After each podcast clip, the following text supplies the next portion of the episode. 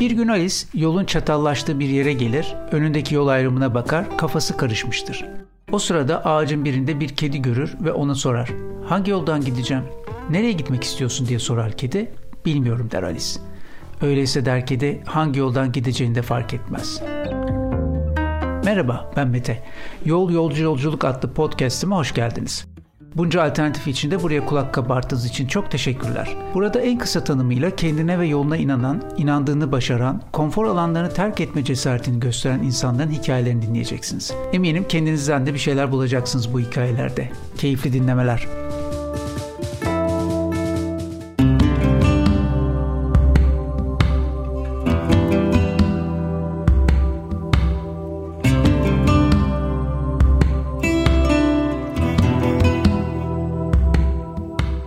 Merhabalar, bu haftaki Yol Yolcu Yolculukta zanaatkarlık yolunu seçen genç bir kadınla güzel bir sohbetimiz olacak. Kendisi aslında sanat eğitimi almış, sanat tarihi ve heykel okumuş biri olmakla beraber toprağa dönüşü tercih etmiş biri. Ee, Birnur Hanım hoş geldiniz. Merhabalar Mete Bey, hoş bulduk. Teşekkür ederim. Ee, sizi büyük bir şans eseri e, bir arkadaş vasıtasıyla e, sosyal medya sağ olsun bu gibi işlerde gerçekten çok faydalı oluyor. O, o şekilde tanıdım. Ee, bu doğadan mürekkep işi çok heyecanlı geldi bana bilmiyorum. Hani dinleyenler ne diyecek, siz içindesiniz, ne düşünüyorsunuz bilmiyorum ama ben çok heyecanlandım. Evet. Ee, o yüzden de sizin bu yolculuğunuzu dinlemeyi çok istedim. Nereden başlasak? Sanat Hı-hı. okuyup bunu pratiğini de yapıp bir dönem sonra tekrardan bu doğaya dönüşü kısaca özetleyerek bir başlasak mı hemen? O, olur tabii. Ee, ben sanat tarihi ve heykel okudum. Sizin de az evvel belirttiğiniz gibi. E, ardından bir kütü kurumunda bir küratöryel bir geçmişim var 6 yıllık e, ve bu süre zarfında da aslında hani birçok sergi yapma ve birçok sanatçıyla da birebir tanışıp çalışma fırsatım da oldu.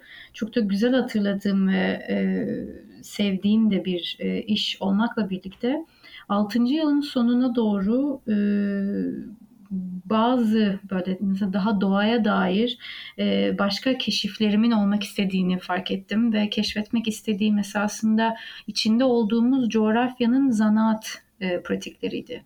E, çünkü tabii ki de zanaat ve sanat aynı zamanda bir kültür kurumu içerisinde aynı anda sergilenebiliyor. Ama benim gitmek istediğim ve yanında olmak istediğim bu stüdyo dediğimiz ve zanaatkarların üretim haneleriydi. Bunun içerisinde bunun içinde benim onlara gitmem gerekiyordu şüphesiz ki.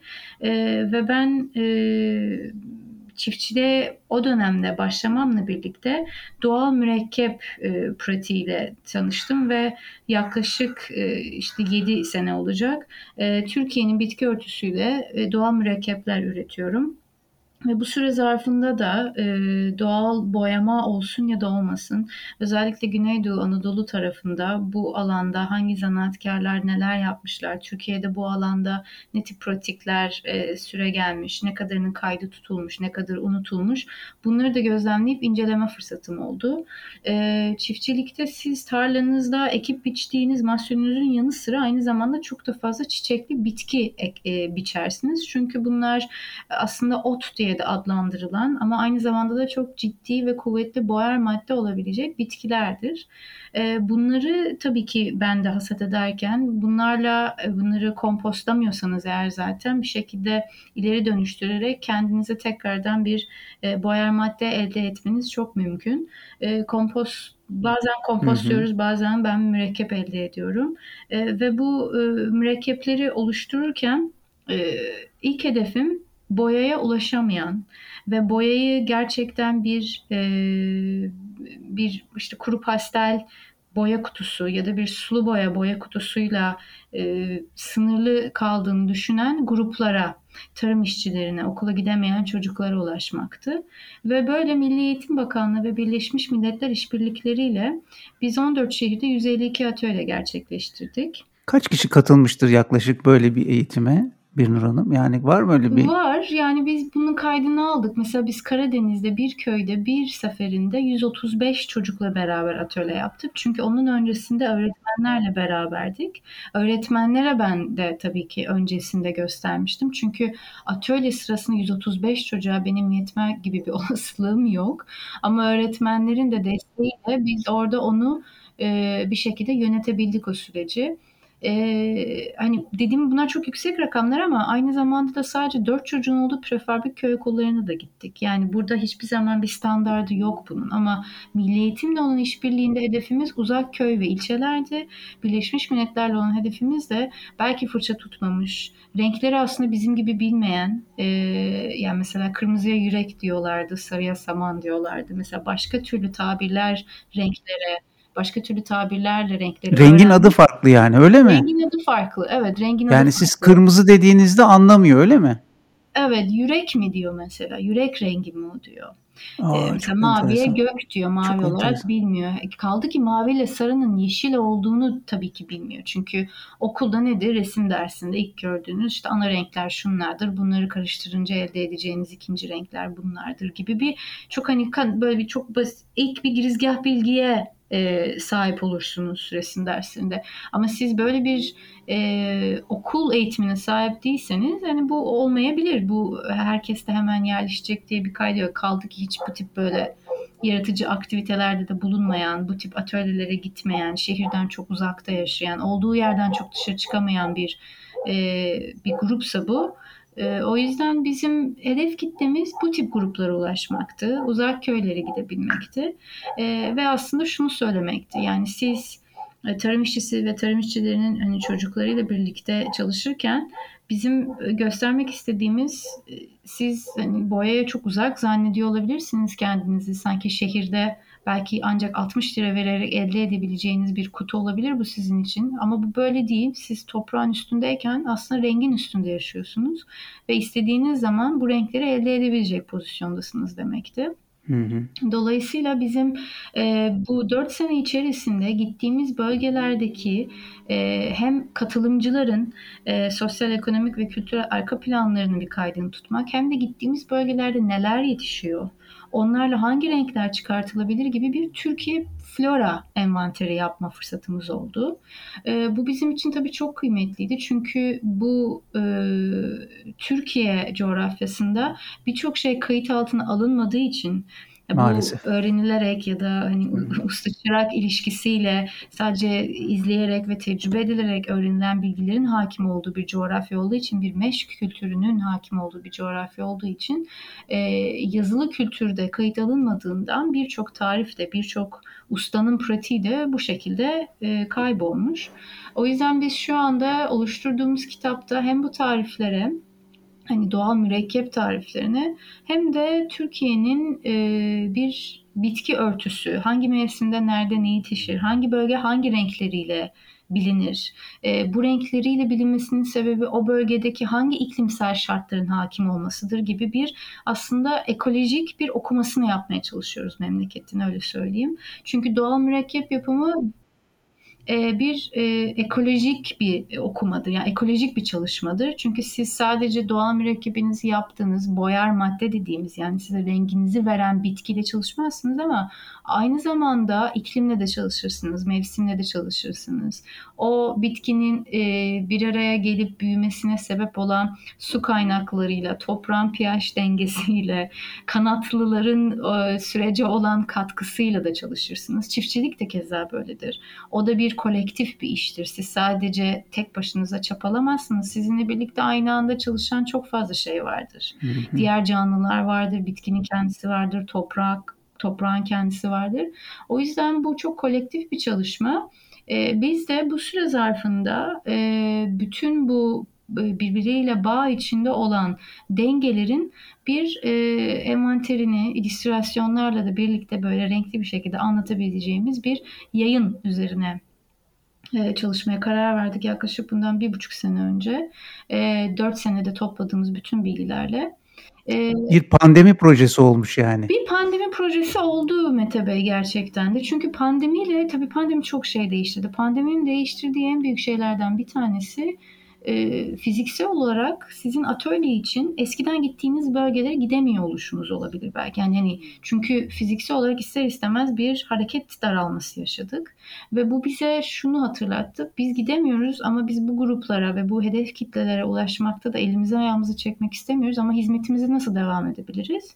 Biz de o konuda aslında pandemiye denk gelen ikinci büyük projemiz olan doğal mürekkep kitlerini oluşturduk. Bu kitler yani kutular Mardin'de Arantik bölgesindeki kadınların tarımsal atıkla e, oluşturdukları kutular. Yani kadın çiftçiler bunların hepsi ve hiçbir tanesi zirai ilaçlar ve endüstriyel makinelerin girmediği eski orak yöntemiyle zeytinlik deseniz eski tek tek yaygın üzerine zeytinleri Oo. düşürerek elle toplama yöntemiyle çiftçiliğine devam eden bütün bu iklim krizini getirdiği zorluklara rağmen bunu bu şekilde muhafaza etmeye çalışan kadın çiftçilerin bahçelerinden çıkan tarımsal atıklar ve bu hüdayi nabit dediğimiz doğal boyar madde olarak da kullanabileceğimiz bitkiler. E, kutular içerisindeki tarımsal atık dediğimiz kısım aslında şu.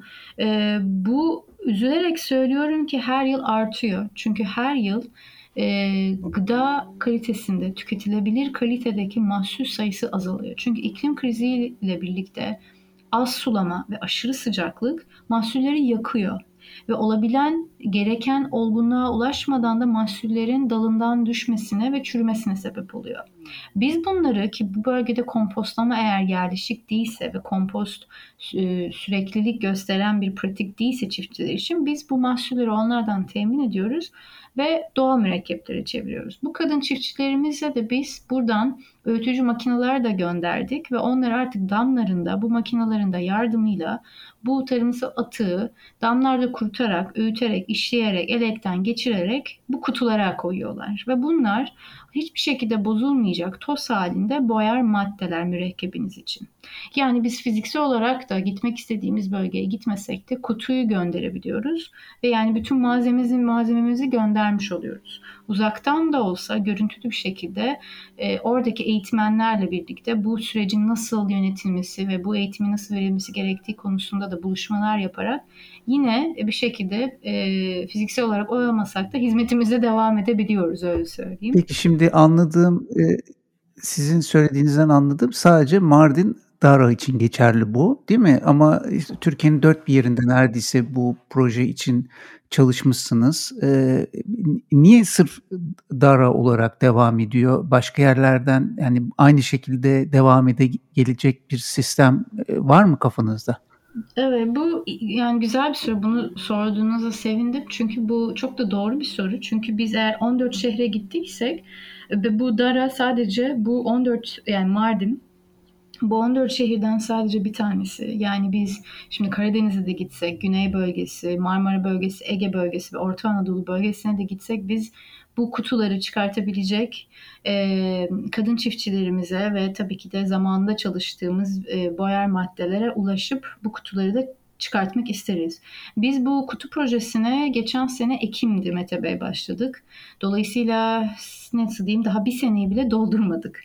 O yüzden bizim hedefimiz özellikle her sene bir tane yeni bir e, rota olmak üzere 14 şehirle geçtiğimiz yani o rotada ilerlediğimiz şekilde gene oralara tekrar geri dönüp bu sefer atölye için değil, kutulamak için geri gitmek. Yani biz Doğu Anadolu'yu şimdi, yani Güneydoğu Anadolu'yu kutulamış olduk. Güneydoğu Anadolu'nun tarımsal atını ve bitkisini kutulamış olduk. Ama biz bunu aynı şekilde gidip Güney bölgesi içinde yapmak istiyoruz. Marmara, Ege de aynı şekilde Karadeniz içinde yapmak istiyoruz. Yani eğer biz burada maksadımız ve çıkış amacımız Türkiye'nin bitki örtüsü ve flora envanterini ve doğal mürekkep için kullanılan boyar maddenin bir dökümünü çıkartmaksa kutularımızla da biz aynı şekilde bölgeleri kutulayabilmek istiyoruz. Biz şu anda bu kutu projesinde daha henüz yeni başladık. O yüzden e, bu güzel bir soru. Bu bizim de gündemimizde ve niyetimizde olan bir şey. Önümüzdeki dönemlerde bunu e, zenginleştirmek amacımız.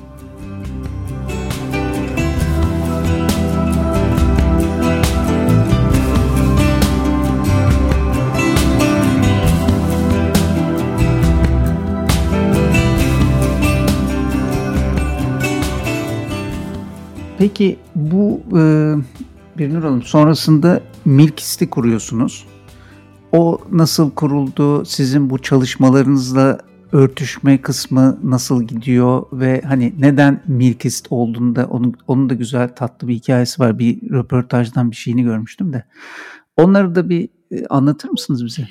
E, Milkist e, bu atölyeler başlamadan önce kuruldu aslında Mete Bey ve biz e, hala da ürün tasarlıyoruz. E, ürün de ürün tasarımı da yapan bir yeriz yani Milkist olarak. Yani sanat ve eğitim merkeziyiz ama aynı zamanda ürünler de var ve atölyelere biz ilk başladığımızda yani bundan yaklaşık 6 sene önce böyle bir çalışma, doğal mürekkep atölyeleri zaten hiç bu, bu kadar yoktu. E, bu kadar olmamasıyla birlikte gittiğimiz bölgelere zaten giden de yoktu.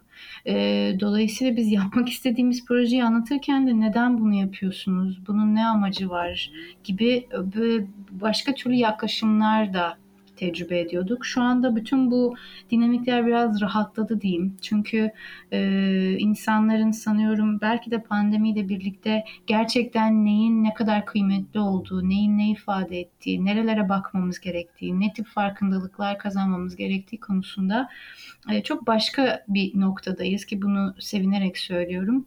E, o yüzden Şimdi bunların iletişiminde daha kolayız ama bundan 5-6 sene önce yapmak istediğimiz proje için karşıdakini adeta ikna etmek zorundaydık ki herhangi bir talebimiz ya da bir çıkarımız dahi olmaksızın ve biz bu ürün satışlarımızla esasında ilk iki senedeki atölyelerimizi kendimiz fonladık. Ve dedik ki biz birden bine diye bir proje başlattık. Siz bir ürün alıyorsunuz ama biz bin e, dezavantajlı çocuğa ulaşıyoruz demiştik. Ee, ve biz e, büyük yani işbirlikçilerimiz konuya girene kadar e, kendimizi bu şekilde çünkü kendi kendimize bunları yapmaya çalışıyorduk ve kendimizi fonlamaya e, devam ettik. Dolayısıyla gönüllülük bu işin çok büyük bir parçasıydı ki hala da öyledir. E, o yüzden bu gönülden yapılan bir çalışmaydı ve siz böyle bir çıkarınızın da olmadığı bir durumda bunu neden yaptığınızı karşı tarafa anlatmanız, onu ikna etmeniz bu, bu bir süreçti gerçekten. Bu konularda şimdi daha rahatız bence topluca yani toplumsal olarak bence daha rahatız artık bu konuda. Ee, Birnur Hanım bizim şimdi ülkemiz e, flora olarak zengin bir ülke. En azından yani benim okuduğum kadarıyla çeşitliliğimiz çok, endemik yapımız, e, endemik bitkilerimiz pek çok. Her ne kadar kıymetini bilmesek de. Ee, siz tabii aslında çalışırken belki hani doğal boyar e, bitkilerle ilgili bir e, ham madde sıkıntınız yok anladığım kadarıyla. Ama e, burada seçerken yani her şeyden yapılır mıdır? Yoksa e, seçici olarak hareket ederek e, bir e, mürekkep hazırlama süreci mi vardır? E, bunun tercihleri nasıl oluyor onu merak ettim. Evet. Ee, evet dediğiniz gibi gerçekten bu konuda çok zengin bir coğrafyada yaşıyoruz. Ee, bir kere dört mevsimi yaşayan her coğrafya bitki anlamında çok zengin olacaktır. Çünkü e, iklim ve mevsim çeşitliliği bitkinizi de çeşitlendirecektir. O yüzden bizim dört mevsimi yaşayabilen bir coğrafyada e, bunu yapıyor olmamız ister istemez boyar maddemizi de çeşitli ve zengin tutuyor. Bu bizim için çok e, gerçekten çok kıymetli bir e, detay. E, burada tabii hani her renkli çiçeğin, her renkli bitkinin mürekkebi çıkacaktır ya da rengi çıkacaktır diyemeyiz. E, çünkü bazen çok yanıltıcı da olabiliyor. Fakat burada bizim için belirleyici olan bir bitkinin hangi familyaya ait olduğu. Yani o familya içerisindeki başka bir bitki eğer bir boyar madde olarak biliniyorsa yüksek ihtimal o familyadaki başka bir bitki de gene aynı şekilde yüksek miktarda renk veriyor olabilir.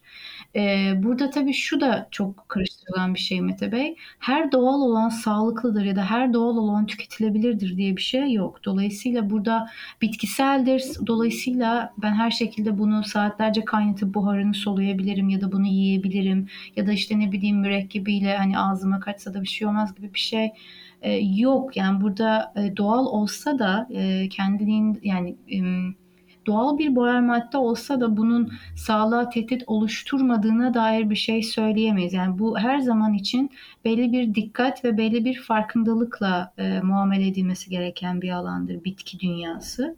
E, o yüzden e, renk konusunda da böyle. Renk konusunda bir şeyin renk verip vermediğini test etmek için en iyisi tabii ki bunu biraz denemektir. Ama siz avucun yani parmaklarınızın ısısıyla birlikte ve nemiyle birlikte eğer elinizde böyle azıcık e, onu sürterseniz yani iki parmağınızı birbirinize sürter gibi arasına da o işte mesela çiçek yaprağıdır ya da işte çiçek pedalıdır işte mesela çiçekli kısmının e, pe, pe, pedalı diyelim. Onları azıcık elinizde böyle sürttüğünüzde bir renk çıkıyorsa zaten yüksek ihtimal size çok kuvvetli bir rengi e, verecektir. Yani bir gece suda bekletmenizde, havanda dönmenizde, işte robotta döndürmenizde ya da hangi çeşit, hangi metodu uyguluyorsanız mürekkebiniz için. Her bitki için farklı bir mürekkep metodu, mürekkep elde etme metodu uyguluyoruz şüphesiz ki. Çünkü burada maksat e, bitkiyi şoklamadan, bitkiye zarar vermeden, bitkiye saygıyla bunu yapabilmek. E, biliyorsunuz bu da çok eski, çok tarihsel bir şeydir ki hani siz bir e, ağacın meyvesini alırken teşekkür edersiniz, yani izin alırsınız. Yani bunu hakikaten bazıları üsüpse olarak da bunu bu şekilde gündelik hayatlarında da uygularlar. E, burada hakikaten bir e, şükran vardır doğaya karşı. Yani bütün bu doğa mürekkep yapımı özünde bir toprak kutlamasıdır. E, çünkü siz sadece gıdanızı sizi beslemiyordur ama sizin ruhunuzu da sizin zanaatsal olarak da düşünsel ve yaratımsal gücünüzü de e, rengiyle besliyordur doğa burada. E, o yüzden bunlar e, böyle baktığınızda insan olarak sizden çok daha büyük, çok daha öte, çok daha güçlü bir şey doğa burada. O yüzden elinizdeki boyar maddenin de bunun bir parçası olduğunu bilerek e, saygıyla ve bir e, zarafetle aslında o bitkiyi muamele etmek gerekiyor. Ondan almak istediğinizde almak için. E, o yüzden burada bir anda sıcak suya koymak, saatlerce kaynatmak, işte ne bileyim kurutmak için güneşin alnına bırakmak. Hani bunlar gerçekten e, çok sert muameleler oluyor ve siz bu süre zarfında renginizi aslında kaybediyorsunuz. Mesela saatlerce kaynatırsanız çok güzel bir renk elde edebileceğiniz bir boyar madde size çamur verecektir sadece. E, o yüzden burada yavaş olmak, sakin kalmak ve sadece süreçte izler olmak. Yani süreçte müdahale edip süreci kontrol eden olmaktansa süreci izleyen ve süreçten öğrenmek için süreci e, analiz ederek ona göre bir hareket planı çıkartan kişi olmak durumundasınız. O yüzden ben doğal mürekkebi hem kontrolcü bir yapınız varsa çok disipline edici bir sanat olarak da görüyorum. Ya da çok çok gülümsediniz. Kontrol edici bir özelliğiniz mi var o şekilde? Kendinizi bu ee, yani faydası mı olduğu manada? Bence vardır. Yani oldu günden güne bazen daha böyle hani kontrolcü de olabiliyoruz belki. Yani bence benim için de öyle. Ama mesela benim bir aceleci tarafım olur bazen çok. Ve ben ne zaman ki mürekkep yaparken bunu biraz disipline etmeyi öğrenirim. Çünkü o sırada aceleci olmamam gerekir. Hani Ama zanaatta acele yok yani. Yok. Ve mesela şey derler hep hani zanaatkar pratiğiyle ruhunu disipline eder. İşte bütün bu kontrolcülükler, işte e, bir an önce çözüm, bir an önce sonuç beklemeler, alelacelelik diyelim belki de. E, bütün bunların biraz daha e, geri plana düştüğü ve biraz daha sakinleştiği bir alan zanaat. O yüzden sanıyorum doğal mürekkep de tam burada duruyor. E, sabırla ve yavaşça e, elde etmeniz gerekiyor çünkü renginizi. E, o yüzden e, bu zanaatı ben gerçekten e, insanın duygularını bile hani nasıl e, yönetmesine dair, hani nasıl yönettiğine dair çok başka öğretilerinin olduğunu düşünüyorum ama tabii bu çok subjektif bir şey Mete Bey. Yani herkes için farklıdır. Başkası da çok başka bir şey söyleyebilir. E, o yüzden hani bu hani benim tecrübem ve izlenimim böyle oldu ama belki başka bir mürekkep ile uğraşan başka bir zanaatkar arkadaşımıza belki başka bir tarafından bakıyordur işin.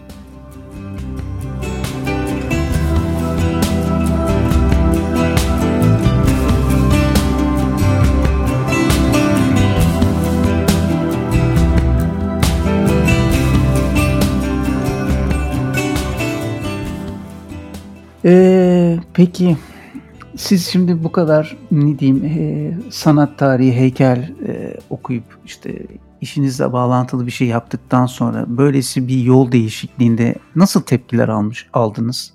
Destekleyenler ya Birnur ne yapıyorsun kızım saçmalıyorsun git oku e, bu kadar zaman harca ne alaka diyenler nasıl oldu? Bu çok oldu tabii. Yani hani destek sanıyorum öyledir ya hani siz belli bir yere konuları getirip belli bir şekilde aa evet bak burada bir potansiyel var yapıyor bunu işte bu kadar zamandır gibi süreklilik gösteren bir sadakatinizi sanıyorum eğer e, insanlara e, nasıl diyeyim kabul ettirmek değil de artık onların hani fark ettiklerinde yani siz sadece bunu sözle yapmak istemiyorsunuz ya da heves gibi bir iki sene yapıp çekilmek istemiyorsunuz.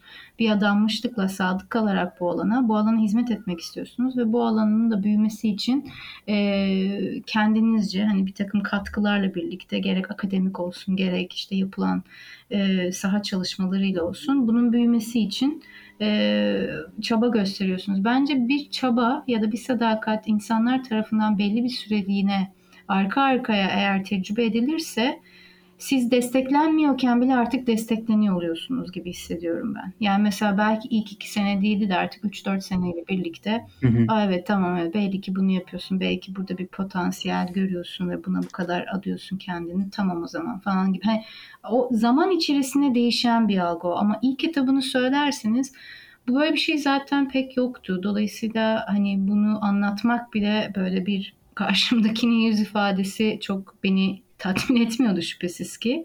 E, kaldı ki e, ben 19 yaşındaydım. Hı hı. Kurumsal hayata başladım. 19 yaşında bitirmiştim ben üniversiteyi. Biraz erken geçti e, lise hayatım. E, ve bu kadar erken yani çok evet. hızlı olmuş. Üniversite bir dakika. 19 yaşında üniversite, üniversite mi bitti? bitti? Evet. 19 ben evet. Gerçekten evet. Evet, ne diyorsunuz? Epey hızlı oldu. Oo. Evet, koştura koştura olmuş. oldu. Ee, ha doğru bir şey olarak söylemiyorum ama öyle oldu Mete Bey ve dolayısıyla yani lisem, lisem benim e, kredi sistemdi ve dolayısıyla ben iki senede liseyi bitirebilmiştim. Dolayısıyla da 16 yaşında ben üniversiteye başlamıştım. Ee, ve 19 yaşında da bitirmiştim. Şey, özür dilerim. Siz liseyi de mi yurt dışında okudunuz? Evet. Evet, onu da orada okudum. Üniversitede ha, de biliyorsunuz tamam. hani bazen yaz döneminde de ders almaya devam edebilirsiniz. Hani orada dolayısıyla ne demek oluyor? Yani kredilerinizi tamamlayınca da mezuniyete yaklaşıyorsunuz. Sanıyorum üniversitede de biraz yüklendim herhalde. Yaklaşık bir 3 sene gibi bir süre zarfında o bitti. O yüzden ben döndüğümde hani kurumsal hayata başladığımda 19'dum. E, e tabii 25 yaşında ayrılıyorsunuz. 6 senelik bir kurumsal geçmişiniz var. Hani öyle bir yaş için öyle bir geçmiş hani artık o saatten sonra hani ne beklersiniz? Hani her şeyin daha rahat olmasını daha değil mi? Hani daha işte olmasın hani pozisyonun olsun olsun bu olsun çok daha doygun olmasını beklersiniz ama sanıyorum hani evet çok erken başladım ama bir gerçekten farkında olarak bilinçli bir şekilde ne yaptığımı seçmek istiyorum dediğim bir nokta olmuştu tabii o yaşta. E, o yüzden tabii ki o kurumsal hayatı bırakma kararımda çok desteklendiğimi söyleyemem. Hani arkadaş ve aile anlamında.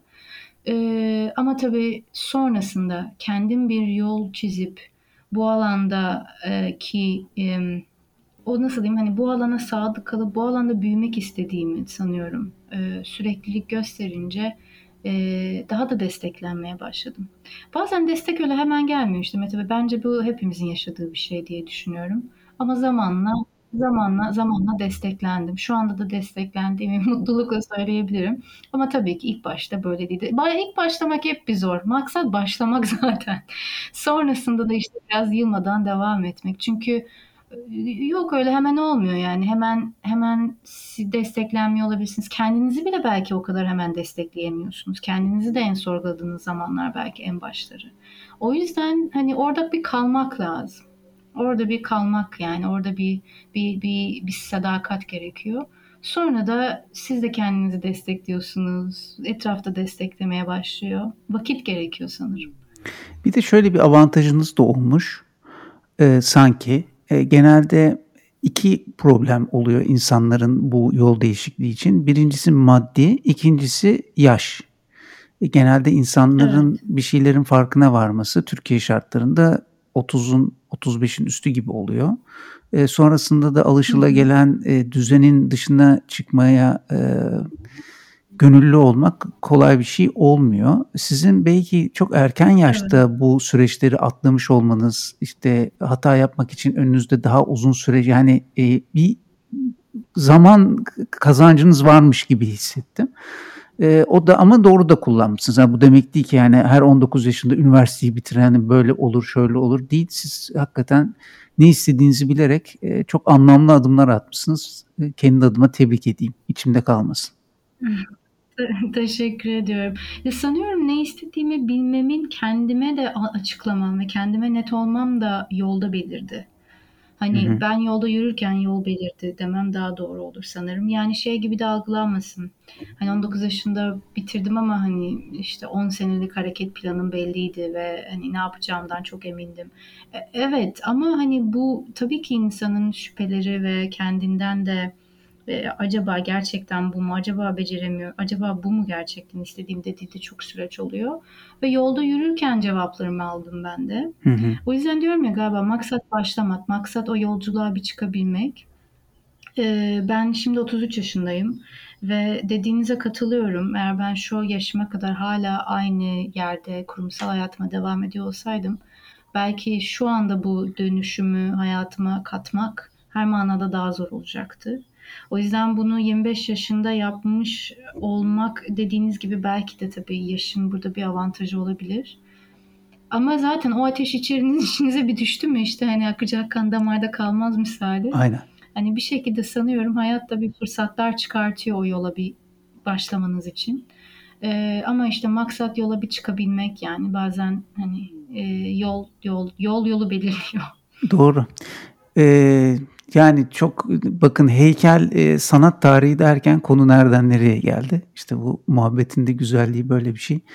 E, çok teşekkür ediyorum. Yani e, gerçekten pek çok şeyi kapsayan e, konulardan konuşmuş olduk. Vakit ayırdınız. Sizin de koşturmacanız çok.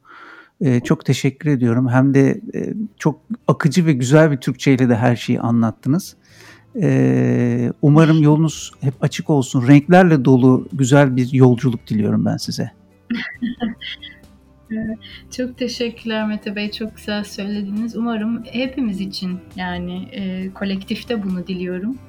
E, coşkulu, renkli ve güzel günlerimiz olsun. E, ben teşekkür ediyorum. E, umuyorum e, keyifli geçmiştir sizin için de. Ben çok keyif aldım. Sağ olun. E, çok teşekkür ediyorum. Ben teşekkür ederim. Sağ olun.